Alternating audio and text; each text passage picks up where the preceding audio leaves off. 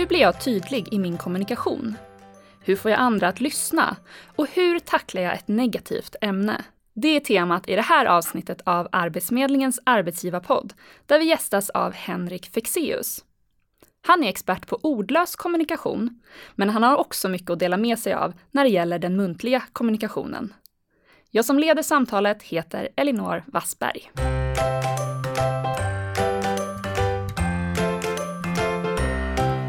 Välkommen hit Henrik. Tack så mycket. Vad roligt att du ville gästa oss idag. Ja. Ja, och du eh, är ju bland annat mentalist. Mm. Ja, vi ska inte fastna för mycket i det, men kan vi bara snabbt här, vad är en, en mentalist? Alltså en mentalist är en person, egentligen så är det en person som använder sig av en mängd olika tekniker för att skapa illusionen av att man har en övernaturlig förmåga att läsa tankar. Um, idag kanske en mentalist, och det är vad jag gör när jag ställer mig på scenen. Uh, men sen idag har också en mentalist fått betydelsen av att det är någon som är väldigt kunnig inom den delen av vår kommunikation som innehåller de bitar vi inte tänker på. Uh, som kroppsspråk, tonfall och så vidare. Eller vilka psykologiska mekanismer som får oss att göra vissa val och inte andra. Och det är det som jag har bjudit in dig för att prata ja. lite mer om, kommunikation. Mm. Och, ja, men, så det passar ju väldigt bra. Och I den här podden så men vi riktar oss till ledare av olika slag, arbetsgivare och då tänker jag just kommunikation kopplat till ledarskap. Mm. Vad är det som gör en, en bra ledare? Um, ja, du sa det ju nästan i, i meningen att en, en, bra ledare är ju förstås en kommunikativ ledare.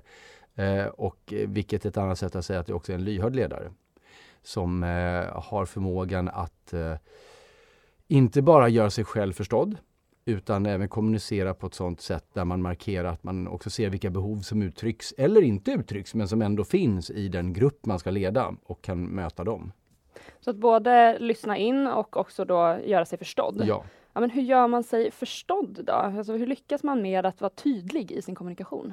Men det är en, det är en jättestor fråga naturligtvis. Den är gigantisk. Det går att skriva en hel bok om, om bara det tror jag. Men eh, Ja, alltså, till att börja med så behöver man ju veta hur den gruppen man ska kommunicera med, hur de förstår vilka kommunikationsmetoder de föredrar. Ibland är det så enkelt så att vissa människor klarar inte att lyssna, de måste ha saker i skrift. Ja, men då får du skriva för att nå dem. Eh, men sen är det ju alltid bra naturligtvis om man kan vi tar ju alltid bättre till oss budskap som är relevanta för oss personligen. Och där kommer ju det med behoven in igen. Så att om jag om jag kan formulera mig på ett sätt som blir personligt relevant för dig, även om det egentligen handlar om en arbetsuppgift, men att du kan känna att du växer i den eller blir motiverad av den på ett rent egoistiskt plan, då kommer ju du också lyssna bättre på mig och eh, därmed också förstå mig bättre. Så om det är någonting som ska men, implementeras, att det är någonting vi har fått kanske från högre mm. ja, ort, och, och då är det någonting som du får till dig och här, det här ska du kommunicera ut, så här ska vi göra. Att mm. då kanske fundera på, men vad kan vinningen vara i längden för medarbetarna? Ja, absolut. Och jag tror att det, det är en jättestor nyckel. Och jag, nu vet inte jag, här måste jag bara teoretisera, men jag kan inbilla mig att ibland så kan man glömma bort det. Speciellt om det är som du säger, att det är någonting som kanske kommer högre uppifrån. Att man då, ja men ja, nu ska vi göra så här och då får det vara så. Och, eh, och det är ju ett sätt att göra det förstås, men, men jag tror att om man kan göra det meningsfullt, eller få det meningsfullt för den enskilda individen, då görs det både snabbare och bättre och, eh, och blir mer hållbart. Så att, eh, det är absolut steg ett.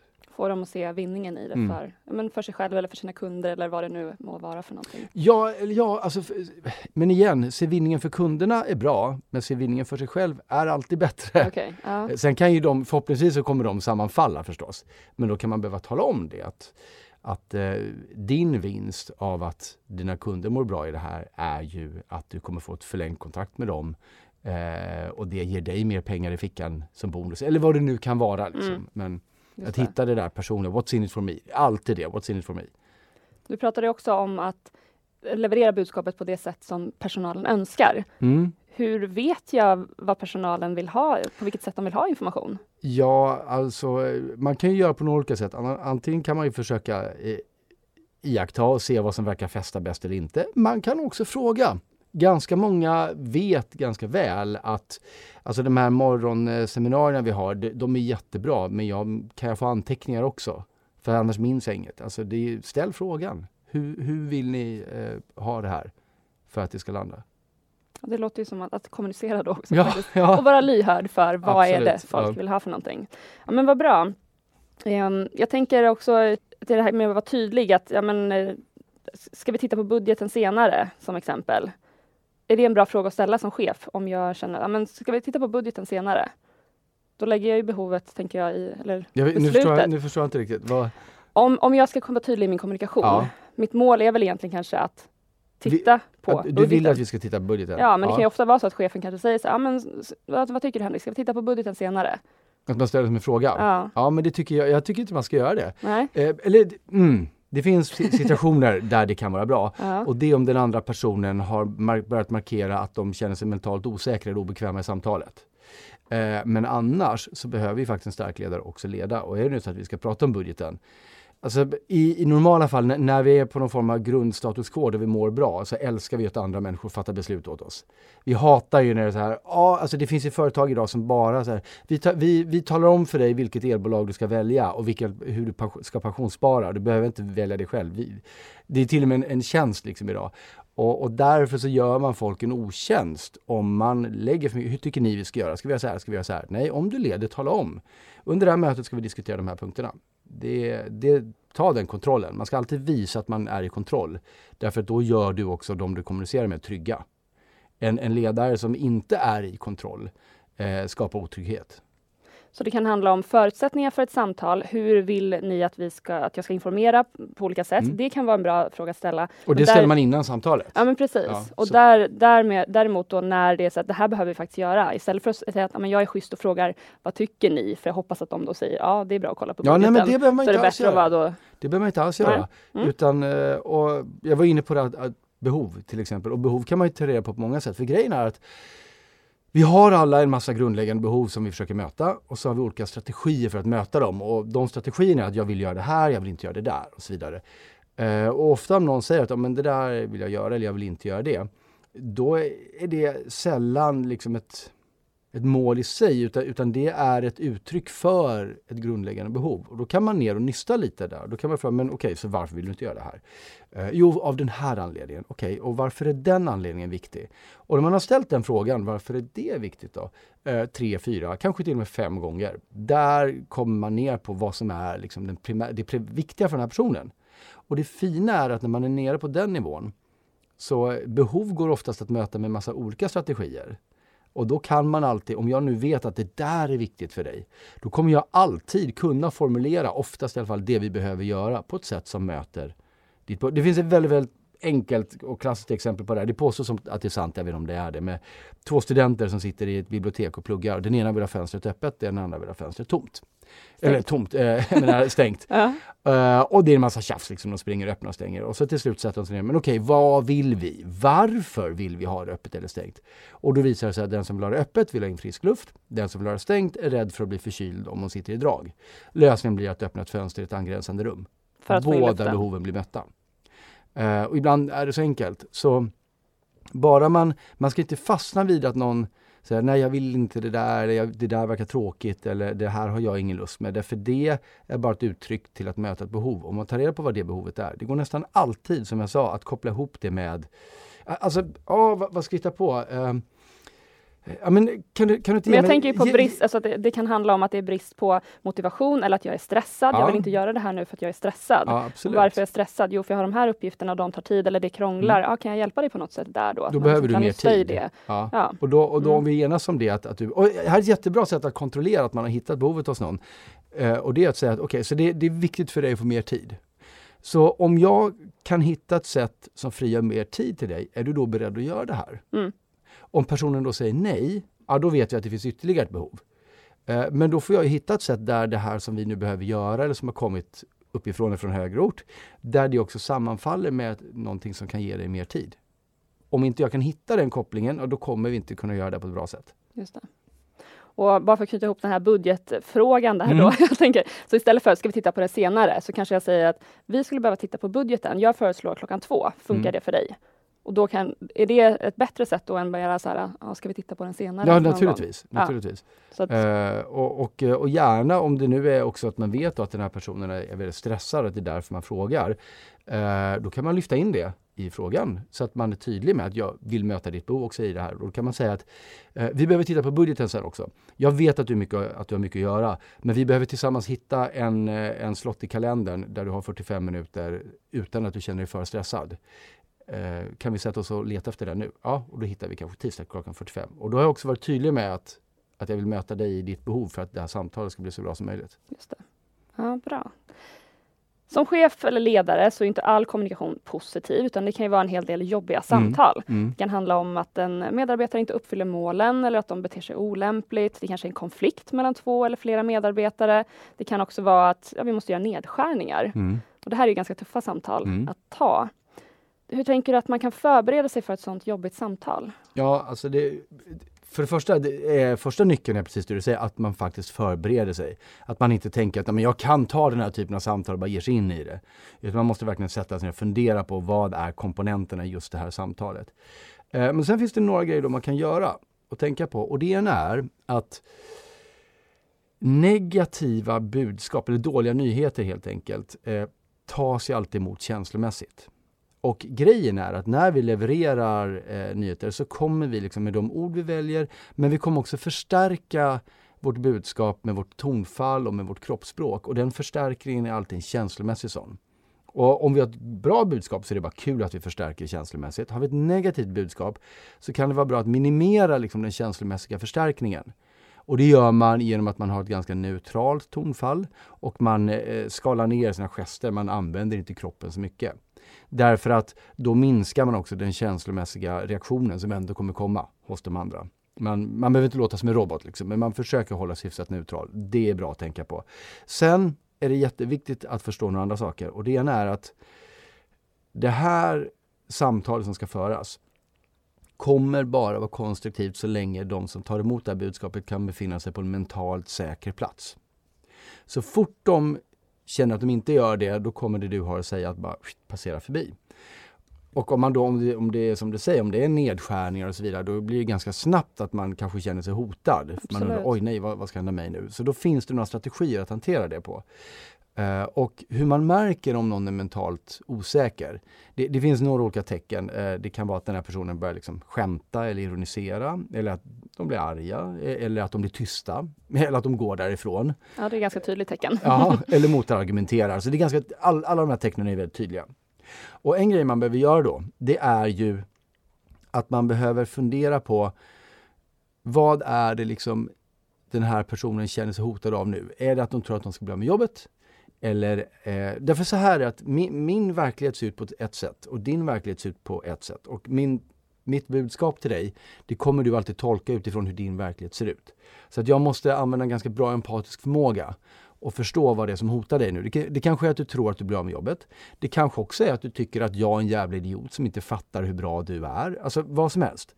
Uh, och det måste jag bara fundera på om jag märker att du är mentalt osäker. Och vad man kan använda då är en jättefin eh, teknik som kallas för kontrastering. Och kontrastering är att lyfta upp det jag nu tror, jag kan aldrig veta, men det jag tror att du tänker på, den obehagliga tanken. Markera att, att om, om det är det här du tänker, då har jag eh, inte varit helt tydlig i min kommunikation. Det är inte det jag menar, jag menar det här. Jag ska ge ett prakt, praktiskt exempel också. Mm. Eller, eller, man kan säga, jag förstår att jag känner hotad av det här, men vi har en lösning på det. Jag förstår vad du tänker på. I, I, det första fallet så skulle det vara att eh, eh om jag märker att, att jag bör, behöver ge dig negativ feedback och, och, så märker jag att du liksom börjar ha taggarna utåt. Um, då, då, kan jag stanna och så kan jag kontrastera genom att säga att uh, nu, eh, jag upplever att du, du kanske tror att jag, att jag försöker klaga på din insats eller att vi inte är nöjda med vad du gör. Och det är inte alls vad jag är ute efter, i så fall ber jag om ursäkt.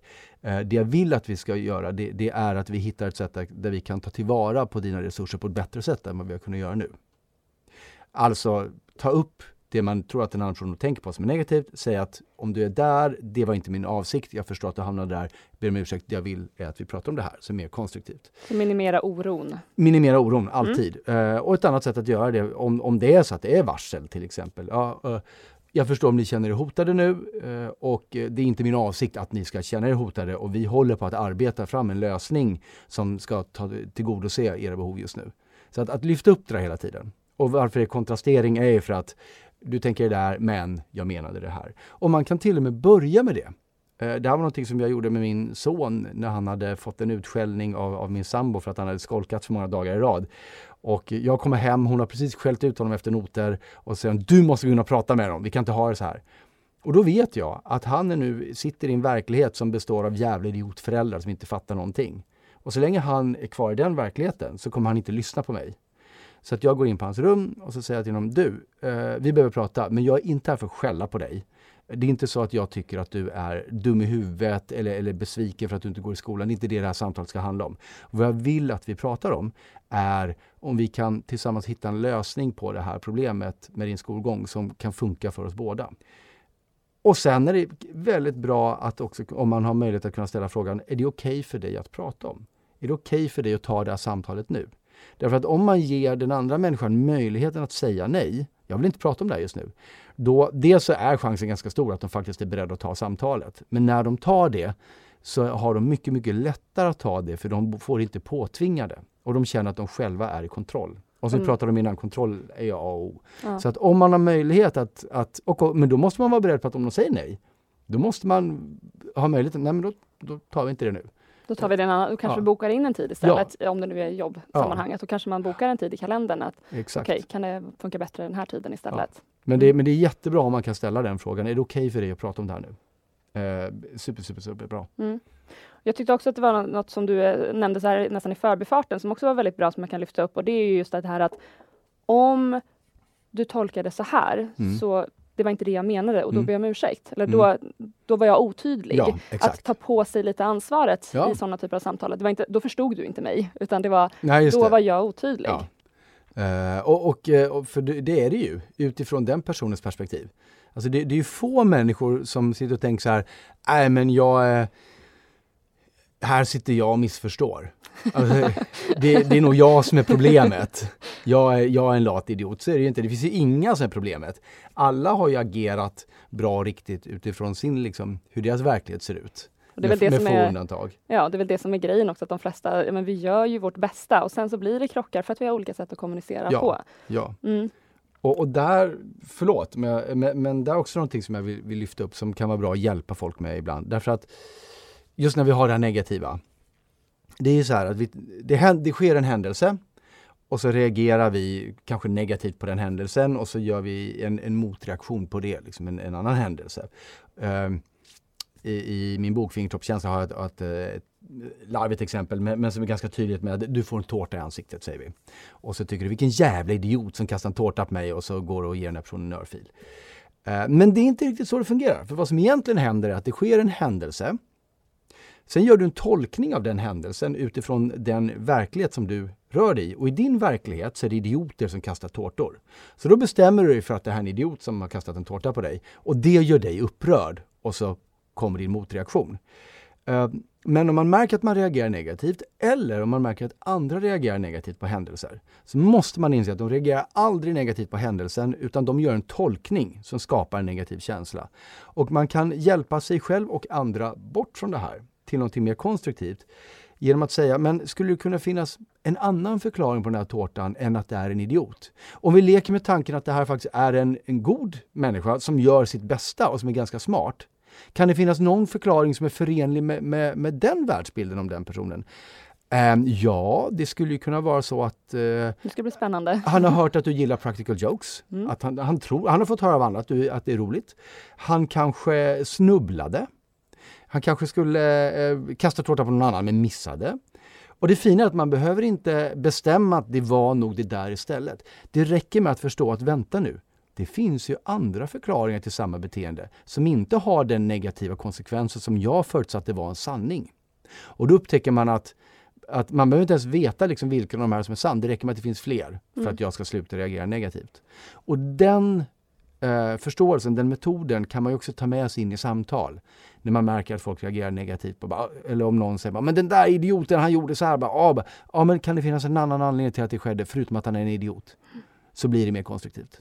Och det tänker jag också med om du, får en, om du ska dela, dela ut en uppgift till en medarbetare, mm. så är det samma sak där, att då kan ju den personen känna, men varför fick jag det här nu då? Jag sitter ju med massa andra saker och varför fick ingen annan den här uppgiften? Så att det kan mm. ju bli, som du säger, sådana känsloreaktioner Absolut. där du inte förstår varför fick du uppgiften? Det kanske är för att du är den som är bäst lämpad. Jag litar bara på dig. Mm. Och då måste jag som ledare tala om kanske en anledning ibland, inte alla gånger, det blir väldigt mycket och, och känner du att du sitter med för många uppgifter så ta hellre en av dem ifrån dig, någon som du kan uppleva som mer lågprioriterad. Mm. För att jag vill att just du gör det här. Mm.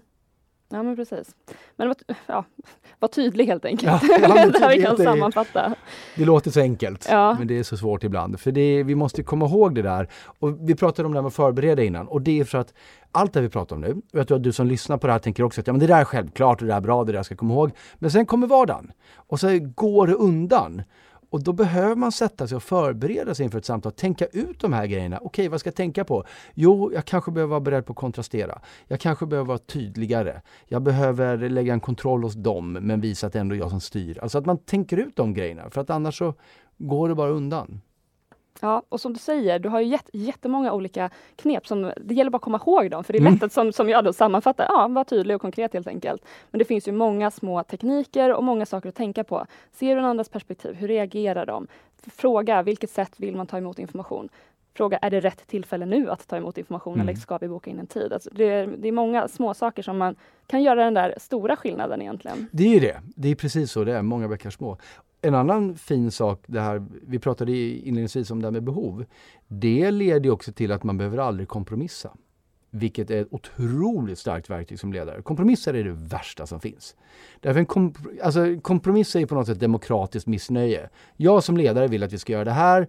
Du som eh, jag försöker leda vill att vi gör det där och så försöker vi mötas på mitten jag vill ha blått på väggen, eller jag vill ha svart på väggen och du vill ha vitt på väggen. Och så möts vi på mitten så får vi grått. Det vill ju ingen av oss ha. Nej. Det är det sämsta tänkbara alternativet. Ett alternativ hade varit att en av oss får som vi har, vill, som den personen vill. Eller så får ingen. Så en kompromiss är bara att se till att ingen riktigt får det de vill ha. Men om man kan hitta de här grundläggande behoven, vad det är vi försöker uppfylla när vi går genom vardagen eller, eller på vårt arbete då, kan, då är chansen mycket, mycket större att hitta lösningar som tillgodoser liksom våra alla behov. Om vi ställer frågan varför vill jag ha svart? Varför vill du ha vitt? Finns, finns ett sätt att kombinera de anledningarna. Eh, så att, så att, eh, det är också jätte, jättestarkt att plocka sig bort från de här kompromisserna. Innan vi avrundar så skulle jag också vilja ställa en fråga som, men det handlar om kommunikation förstås, men lite förtroende och ledarrollen. Om jag är ny som chef, och kommer in i en arbetsgrupp mm. och vill bygga upp förtroende och relation till de här medarbetarna. Vad, hur kan jag snabbast göra det? Eller vad finns det för knep i början? Um, det är ju en väldigt bra fråga och det finns säkert, eh, det finns säkert någon, någon kurs man kan gå för att lära sig det. Men, men jag kan ju bara se till vad jag skulle göra.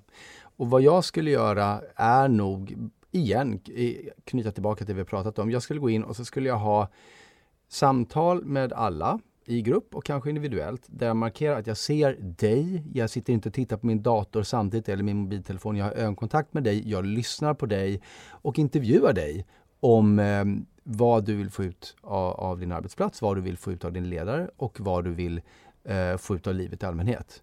På ett sätt som inte känns som att jag liksom så här djupintervjuar dig till min databas mm. utan som ett sätt där vi båda ska kunna förstå varandra och förtroende för varandra.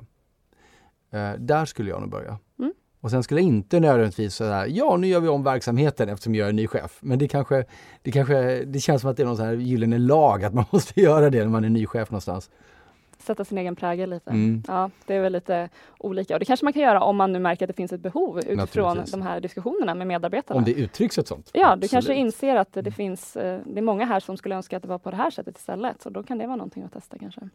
Ja, men också vara lite ödmjuk för att det kanske har fungerat bra hittills också och ja, behålla de bitarna. Ja, och, och, se till vad är speciellt, och speciellt om det är grejer som personer gör själva som funkar bra då är ju det liksom en liten personlig stolthet hos dem. Och att då bara ta sånt ifrån dem, bara, nej vi ska göra så här nu istället, det är ju jättedumt. För det är ju att säga till den personen att det du har gjort är inte värt någonting för mig. Det är ju inte alls bra. Mm.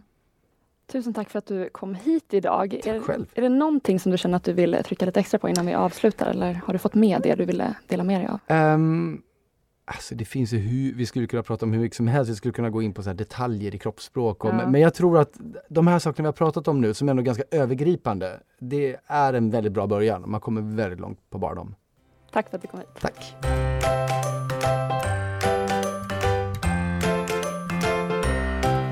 Du har lyssnat på Arbetsförmedlingens arbetsgivarpodd med Henrik Fexeus och mig Elinor Wassberg. Tekniker var Andreas Damgård. Det här avsnittet producerades våren 2018.